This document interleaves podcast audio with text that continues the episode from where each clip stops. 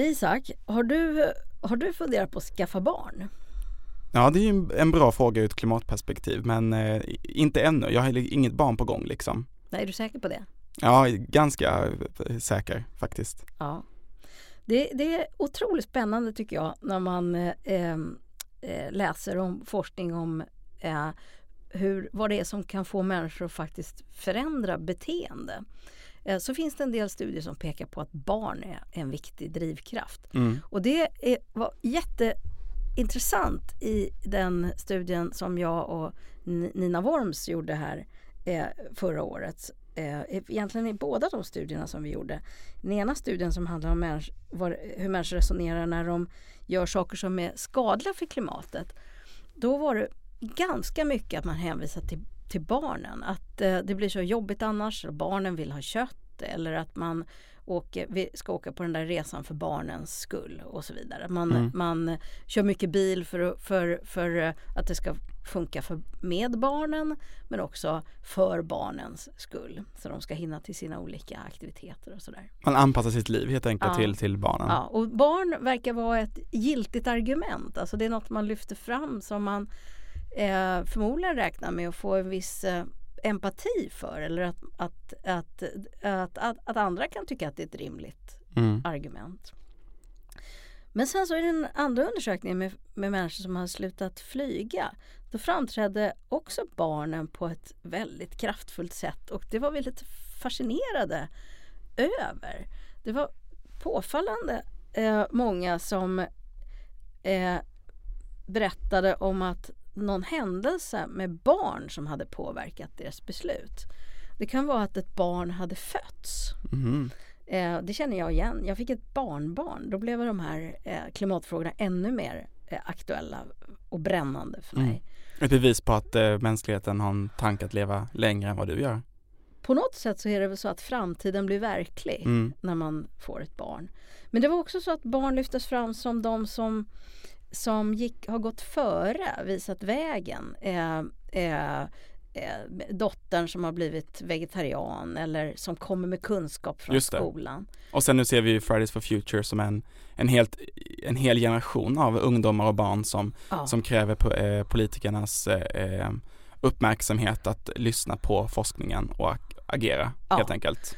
Och i det lilla formatet så kan ett barn ha vägrat följa med på den där flygresan eh, eller eh, på andra sätt liksom utövat eh, påtryckning eller bidragit med, med olika röster liksom i, i, i, i dialogen i familjen. Mm.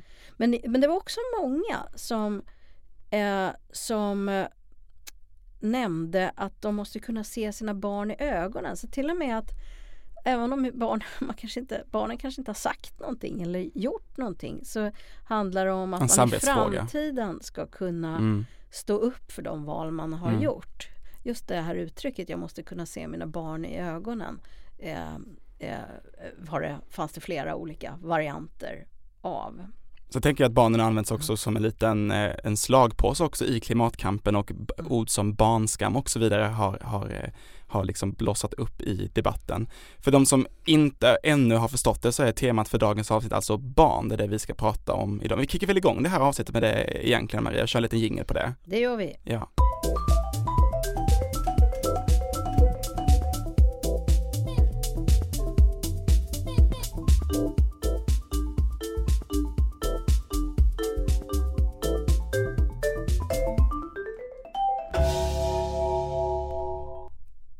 Hjärtligt välkomna till ett nytt avsnitt av Klimatgap, podden där vi utforskar gapet mellan kunskap och handling i klimatfrågorna. Det är jag, Isak Janel, som gör det som vanligt tillsammans med Maria Wollratz Söderberg som står mitt emot mig här i vår studio idag. Hej Maria! Hej Isak! Du har ju barn, men det har ju inte jag. Nej. Ger det oss lite olika förutsättningar för att kunna bidra i dagens avsnitt? Ja, jag tror att det gör det. Dels så kan det att man har barn spela roll eh, både göra en mer skyldig mm. eh, men också kanske mer angelägen. Kan vara så. Ja, mm. kan det Jag har å andra sidan, mm. det var mer nyligen så att säga jag var barn, eller ganska så mycket mer nyligen. Ja, det var Utan mer att uh, säga allt för, mycket. Ja. Nej. Ska inte fråga om din ålder eller sådär men, men det är Nej, ingen jag, hemlighet. då frågar inte jag om din. Nej vad snällt, nej. Ja. Det vi har olika komplex åt två olika håll kanske Ja, man säga. Ja. Men vi ska prata om barn idag och, och barn är, eh, liksom har på sätt liksom intensifierats i, i klimatdebatten på olika sätt kan man säga. Ja. Man tänker ju liksom på Fridays for Future där barnen har tagit en, en allt mer viktigare roll i den här stora samhällsfrågan som klimatet ändå är.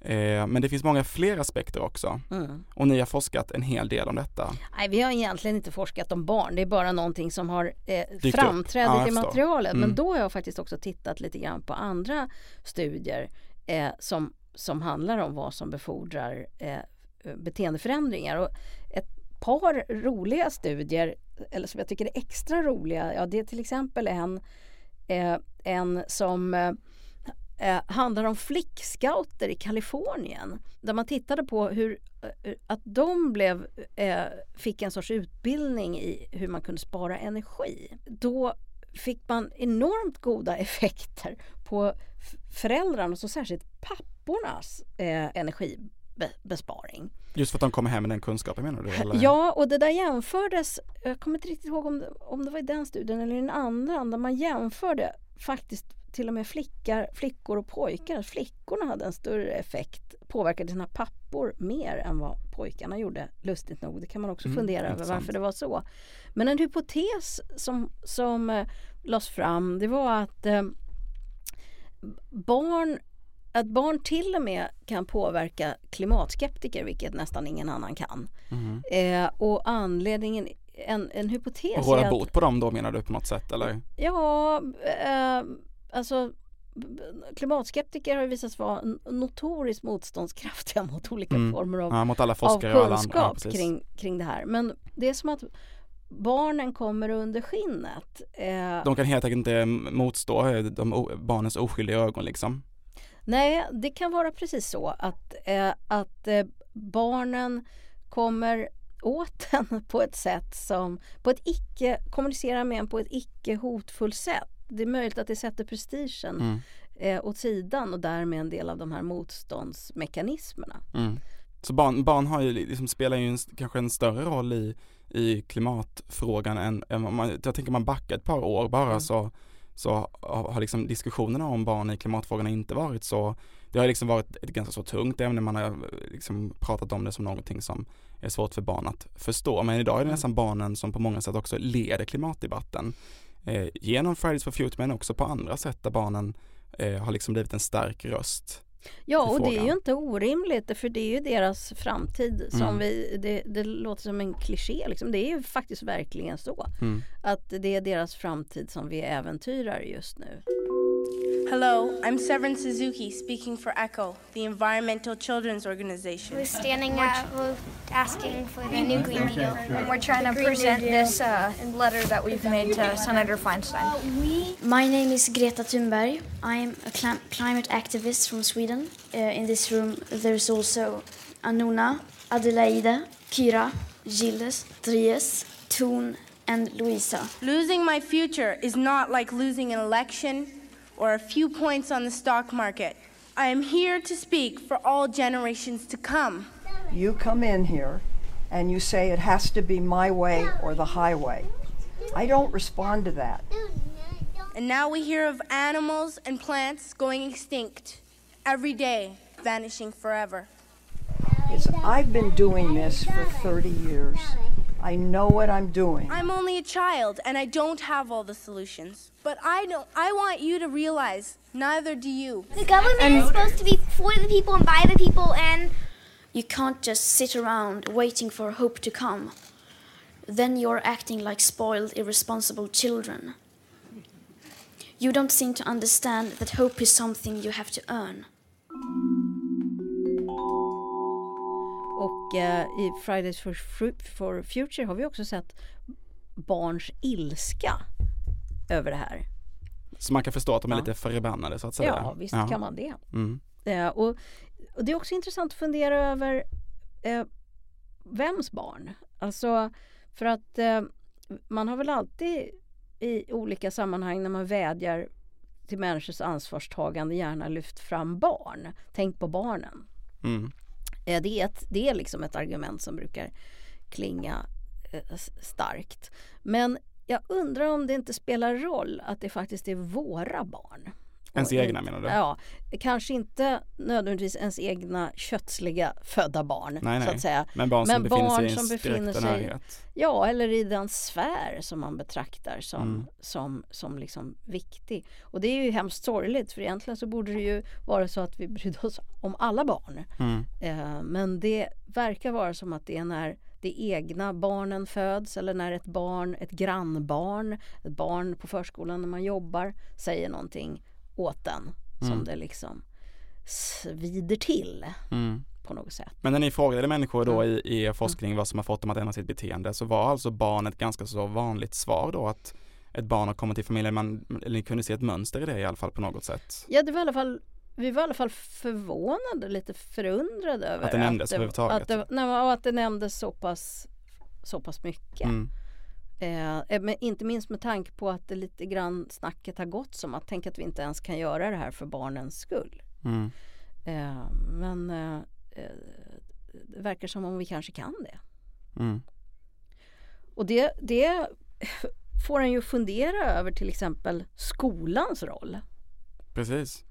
eh, och hur utbildning ser ut. Såklart. Eh, Men barnen är ju som sagt, eh, som du tog upp, också med i debatten på andra sätt. Eh, De är våra drivkrafter men det lyfts också fram som ett problem. Mm. Apropå det här som du sa i- i början att vem, vem som har skuld så att säga. Mm. Och det, det kom en studie för något år sedan av eh, Kimberly Nicholas och Seth Wines som blev väldigt uppmärksammad och debatterad. Där hade de nämligen jämfört olika saker som en privatperson i vår eh, eh, västerländska miljö kan göra för att minska sin klimatpåverkan. Och då, då konstaterar de att, att, att äta en eh, eh, växtbaserad diet, ja där kan man spara kanske ungefär 0,8 ton per år. Att undvika flygande, ja då kan man spara 1,6 ton ungefär per roundtrip, alltså eh, tur och returresa eller åtta Mm. timmars flygresa. Om man lever bilfritt, ja runt sådär 2,4 ton. Men om man skaffar färre barn så kan man spara 58,6 ton Wow. Per år. Vilket ju är lite lustigt eftersom vi inte ens har så mycket utsläpp per år. Men det beror på att de räknade in en massa framtida generationer. Just det, man får bära sina kommande eh, generationers Ja, klimatpåverkan. och då... Eh, eh, Vad ska man göra med hela det sparandet kan jag ju fundera- på direkt här nu. precis. Herregud, jag har bara sparat så mycket. Ja, men då kan ju du eh, flyga upp det Ja, kanske. så jag kollar den här sista minuten Ja. direkt. Ja, Men det här är samtidigt lite, eh, det, lite förvirrande då därför att eh, det förutsätter ju att de här barnen man tänker på eh, har samma utsläpp som man själv har. Mm.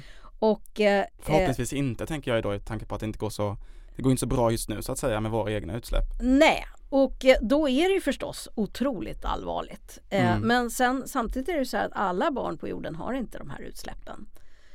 Och då blir summan väldigt mycket mindre. Man kan också fråga sig varför ska vi leva om vi inte har barn? Så, alltså, alltså om Mm. inte, det är ju barnen som, som är mänskligheten, fortsatta mänskligheten. Men det här argumentet kommer ändå väldigt ofta upp i debatten. Och ibland är, är, kommer det nog upp på hälsosamma sätt att vi faktiskt behöver fundera över Mm. eh, om, om eh, hur många barn vi ska föda. Och jag har faktiskt också hört bekanta unga människor som, som eh, säger så här att ja men jag ett, ett eller möjligen två barn, eh, mer kan inte jag ha på mitt samvete och föda med tanke på, hur, på, på Mm. jordens framtid. Och, och, och det är ju egentligen inget orimligt sätt eh, att, att tänka. Men eh, det blir det för, förekommer också på ett sätt som är mycket mer problematiskt, nämligen som ett eh, argument för att inte vi ska behöva göra något. Man säger så här, jaha men varför ska vi skära ner på, eh, varför ska vi låta bli att flyga eller varför ska vi eh, skära ner på våra utsläpp? Det stora problemet är ju att det föds för mycket barn. Mm. Och då brukar man, när man tittar närmare på det, mena att det föds för mycket barn någon annanstans. Just det. Eh, och att det här är ett argument för att inte vi ska behöva eh, minska våra utsläpp. Ofta på platser tänker jag där också klimatutsläppen är ganska så små i förhållande till det, där vi föder färre. Det intressanta är att de platserna där det föds mycket barn är ofta, inte alltid, men ofta platser där klimatkrisen slår väldigt hårt. Mm. Eh, för det första. Men för det andra är det platser där man då har mycket mindre utsläpp. Och ett barn på en sån plats, det beror ju på var, var, någonstans i världen vi pratar om. Men i många av de samhällen där, barn, där det föds många barn så har barnen per capita ett oerhört mycket lägre utsläpp än vi svenskar, kanske en femtedel eller en tiondel. Ja.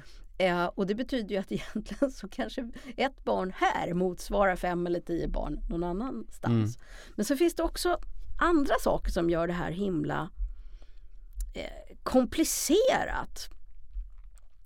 Eh, och, och, eh, och det är att, eh, när, att det ofta är så att när barnafödandet på en plats minskar så går det hand i hand med bättre levnadsförutsättningar. Eh, alltså bra sexualupplysning, tillgång till preventivmedel i kombination med utbildning. Ja, det leder till minskat barnafödande och mindre barnadödlighet och bättre hälsa och då studerar folk mer och då blir det bättre ekonomi mm. och bättre allmänt ökat välstånd så att säga. Och allt det där är ju bra. Det är bara det att ökat välstånd brukar leda till högre utsläpp. Mm. Så det finns liksom en sån jäkla bak, bakvänd mekanism i det här. Så att eh, det är inte riktigt så enkelt. Lite som bakbundna att, på något sätt. Ja, då, då kan det, det, kan ju kännas hopplöst vad vi än gör så blir ja. det tokigt. Och riktigt så är det nog inte. Nej, men det, det är liksom intressant på, ur, ur det perspektivet också eh, att liksom ordet barnskam har liksom kommit att liksom användas på samma sätt som flygskam och så vidare och ja. så vidare. Där man också tänker jag liksom lägger över eh, att inte skaffa barn kan ju användas då för att inte liksom sänka sina egna utsläpp medan de andra liksom skambeläggande orden på något sätt fokuserar ju på, på dina, dina utsläpp eh, istället liksom. Ja. Det är ganska så enkelt tänker jag förhållandevis kanske.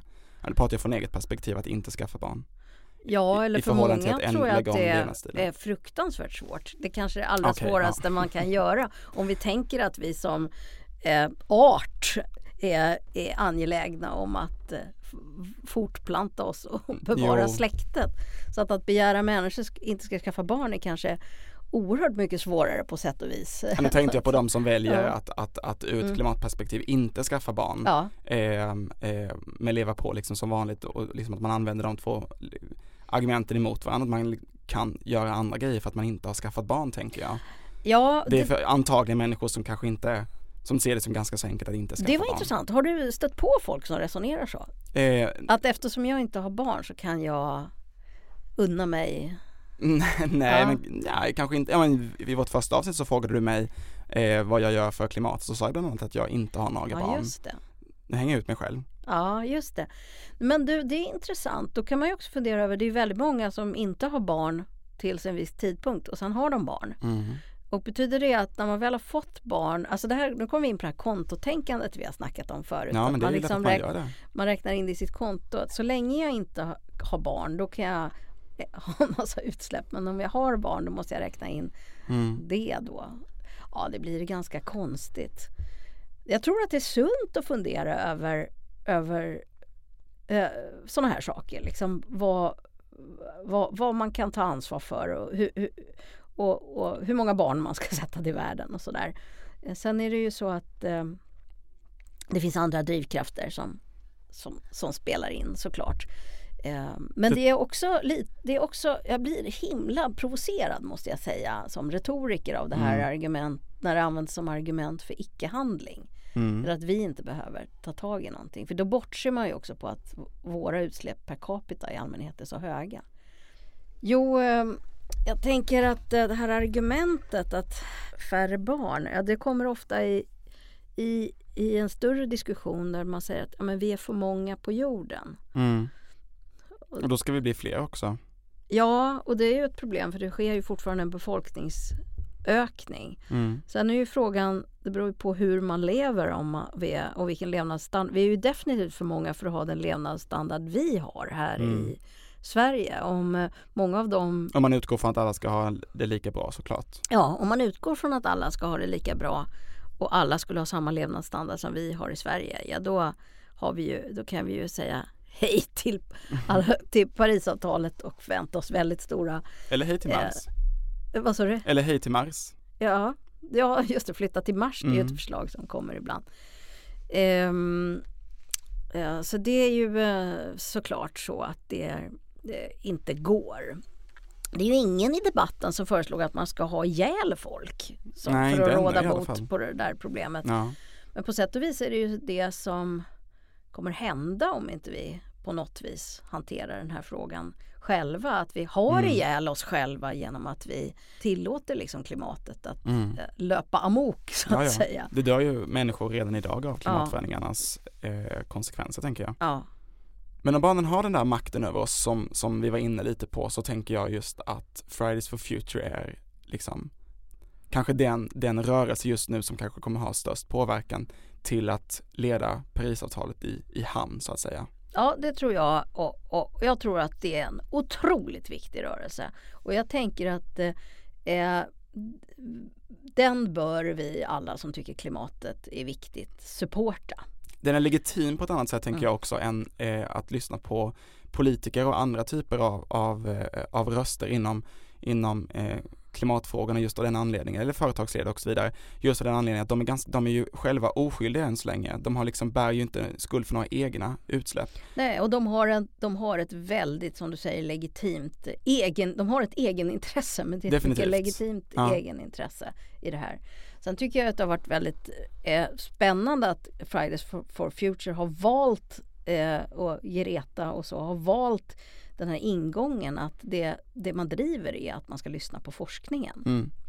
Eh, så, så att, eh, Och de är inte själva intresserade av uppmärksamheten utan de vill Nej. snarare leda vidare ja. uppmärksamheten till forskningen som pekar på vad som måste göras. Ja, så att eh, den här rörelsen behöver man supporta tror jag Mm. på alla, alla upptänkliga vis. Men jag tänker också att eh, skola och utbildning är jätteviktigt. Mm. Eh, och eh, om vi går tillbaka till den här artikeln av eh, Kimberly Nicholas och Seth Wine som handlar om hur mycket utsläpp olika typer av val genererar. Till exempel att skaffa barn. Så, så var det så att i den undersökningen så tittar man också på hur det här svarar mot hur de här eh, frågorna hanteras i debatt. Och man tittade på läroböcker och i, i sådana här policyarbete av olika slag. Då kunde man se att de här sakerna som ger väldigt stora utsläpp som vad man äter, hur mycket man kör bil, hur mycket man flyger och hur mycket barn man får. Det svarar inte alls mot till exempel innehållet i läroböckerna. För där får barn lära sig att det är viktigt att ha glödlampor som är låg energi och att källsortera. Mm. Och det är marginella eh, eh, besparingar av utsläpp som man kan göra på det. Det betyder inte att det är oväsentligt. Men det är väl för att tanken är på något sätt att det är Mm. det man tänker att barnen kan hantera. ja, Att det, det är lagom nivå att prata klimat och miljö ja. om man pratar källsortering med barn och pratar natur och så vidare. Men, ja, och, och har en kompost på skolgården. Precis, Kanske. men jag tänker Fridays for Future, nu är det lite äldre barn framförallt Mm. tonåringar och sådär men, men det visar på något sätt ändå att, att eh, det engagemanget och den kunskapen som barn idag har om Mm. klimatförändringarna eh, är liksom en, en drivkraft som går att använda sig av och räkna med på ett annat sätt. Eh, Och det går kanske att växla upp lite än, än, än komposten på skolgården i så fall. Ja, men jag tror jag är ingen faktiskt... expert på, på läroplanen inom klimatfrågor. Nej, och jag vet inte hur det ser ut i svenska skolböcker för det här gjordes kanske i Kanada eller någon annanstans. Men eh, vad jag tänker på är att jag tror att vi och, och kanske är lite för försiktiga också när vi pratar med barn om sådana här saker. Därför att vi vill inte skrämma upp dem. Mm. Eh, och så tänker vi att vi ska alltid vara hoppfulla och så ska det vara någonting man kan göra själv som man talar om. För att, för att man inte ska bli liksom handlingsförlamad och tappa modet eller få så mycket klimatångest att man inte orkar med det. Eh, eh, men jag tror att det är att undervärdera barnen som Ja, medborgare och kanske också att eh, inte ge dem den möjlighet som, som, som de kanske behöver för framtiden för att och, och, och kunna vara med och, och påverka samhällsutvecklingen. Och för att inte då vi, vi ska göra på något samma sak, liksom tala över barnens huvud Mm. på något sätt eller bara prata om barnen, Mm. så eh, eh, ska vi nog gå över till ett litet samtal som vi har haft. Så vi, vi liksom lämnar lite nu eh, oss själva på något sätt och ska istället få höra vad de säger om, om, om klimatfrågorna ur deras perspektiv. Hej! Vad heter du? Jag heter Elvina. Hur gammal är du? Jag är tio. Ah. Du Elvina, jag undrar, vet du vad klimatet är för någonting? Ja, Vad är det då? det är liksom vår värld, vår, hur det ser ut i världen och så luften och så. Mm. Men när du hör att folk pratar om klimatkrisen, vad tänker du då? Alltså jag tänker att man typ så borde försöka göra något åt det och vara mer miljövänlig och kanske inte åka så mycket så buss och, alltså buss och bil och så här som är bränsledrivet. Mm. Jag tänker att vi på vår jord ska hjälpas åt och försöka, ja vi ska hjälpas åt och försöka få världen att bli som vanligt igen och inte kanske åka massa så bensindrivna bilar och kanske istället ha elbil. Och så. Mm. Greta Thunberg och de, de här ungdomarna som strejkar, de tycker ju att, eh, att, ma, att eh, de vuxna måste göra någonting åt det här. Ja, de vuxna har ju lite mer ansvar än vi barn. Tror du att man som barn kan påverka på något sätt? Kanske man inte ska köpa onödigt mycket saker för det påverkar ju också miljön i till exempel kanske ärva av kompisar eller kusiner eller syskon. Och, Tycker du att det är okej att ärva saker? ja, för då slipper man, alltså man slipper köpa och så är det bättre för miljön. Vad vill du säga till oss vuxna då? Nu lever vi nu och då för de vuxna så här, barn och barnbarn och barnbarns barn och hej och hå. Det kanske blir värre för dem sen så man ska tänka på det nu så det inte blir värre och värre och värre. Så att man till slut inte kan göra något på jorden. Man tänker ju på det lite då och då. Hur kommer, vad kommer hända sen? Jag heter Vera, jag är 14. Du Vera, eh, du vet att det pågår en klimatkris va? Yes. Vad, vad, vad, vad, vad är det som händer tänker du? Det är väl någonting med så här att varje år så är det, förbrukar man många fler jordklot än vad man liksom vad vi har, för vi har ju bara en jord, så det är liksom, man förbrukar fler. Som om det skulle vara som man hade fler jordklot. Att vad kommer liksom, jag undrar så här, vad som kommer hända i framtiden med jorden. Om liksom, då kommer jag leva och vara äldre och det känns lite läskigt liksom, för att jag vet inte hur, hur det kommer bli. Vad tänker du då? Vad tycker du man ska göra åt det här då? Ja, man ska ta mer hänsyn till, liksom, till klimatet och tänka mer på sina, liksom, vad effekterna kommer bli av det man gör. Tänker så här, vad händer om jag gör det här? Men du, jag tänker mycket på det här med barnens roll i det här. Du vet ju att det finns en hel rörelse av ungdomar och barn som kallas för. Fridays for Future. Som Ja, som Greta har börjat med. Alltså, Vems ansvar är det här egentligen? Um, egentligen så är det ju inte vår uppgift. Det är ju de vuxnas uppgifter. Um, men eftersom att det är så många som inte tänker på det tar, och liksom inte tar hänsyn till det av de högre ledarna så, um, så är det liksom en del barn som också får komma in och hjälpa till för att det vuxna inte räcker till och inte gör som det ska. Varför kan de liksom inte bara ta ansvar för att det är deras barn och deras, alltså de äldre personerna som inte tänker riktigt på det här, de, de kanske tänker men jag kommer ändå inte leva då. Så det spelar ingen roll för mig, men de måste tänka på hur det kommer bli sen för oss. Mm. Om man, föd, om man liksom får barn då det känns som att man utsätter dem för en eh, dålig klimatkris. Men jag känner att det är inte, man, om man fixar, man kan vi har liksom fortfarande chans att förbättra allting så vi kan vi kan sluta med liksom att göra saker som är dåliga för, dåliga för klimatet och sånt så kan det bli i alla fall lite bättre än vad det är nu och då behöver det inte vara så dåligt om flera år när barn, ens barn liksom växer upp och så. Det var det. Det var det. Vilket eh, extremt intressant samtal och, och min, min främsta reflektion blev såklart eh, varför jag inte var så påläst och eh, välreflekterande när jag var i samma ålder. Nej, det var inte heller en fråga på dagordningen på samma sätt. Kanske eh, inte, ja. men, men ändå imponerad måste jag säga av, ja. av dagens ungdomar på något sätt. Ja, det är också svårt och, och det ser man här för båda, både Elvina och Vera lyfter fram att åka bil och att åka buss. Jag tänker att det, det finns ju mycket annat också. Det, är, det pekar också på hur svårt det är att veta vad det är som faktiskt gör, gör skillnad. Eh, mm. Och att det är också en kunskapsfråga. Men det som är så intressant just med, med ungdomars engagemang för miljön är ju också att Fridays for Future-rörelsen på något sätt pekar också på att kunskapen finns framförallt i forskningen och att man det är dit man liksom vill att politikerna ska, ska vända sig. Ja, och det är väldigt hoppfullt tycker jag. Det är hoppfullt. Nyligen kom ju filmen om Greta och precis i dagarna så har den eh, också börjat streamas. Det är ju ett tips för den som är mer intresserad förstås av de här frågorna. Och jag tycker du och jag ska se den, Isak. Ja, men det tycker jag verkligen. Och, kan vi diskutera man... den här i Klimatgap i ett kommande avsnitt?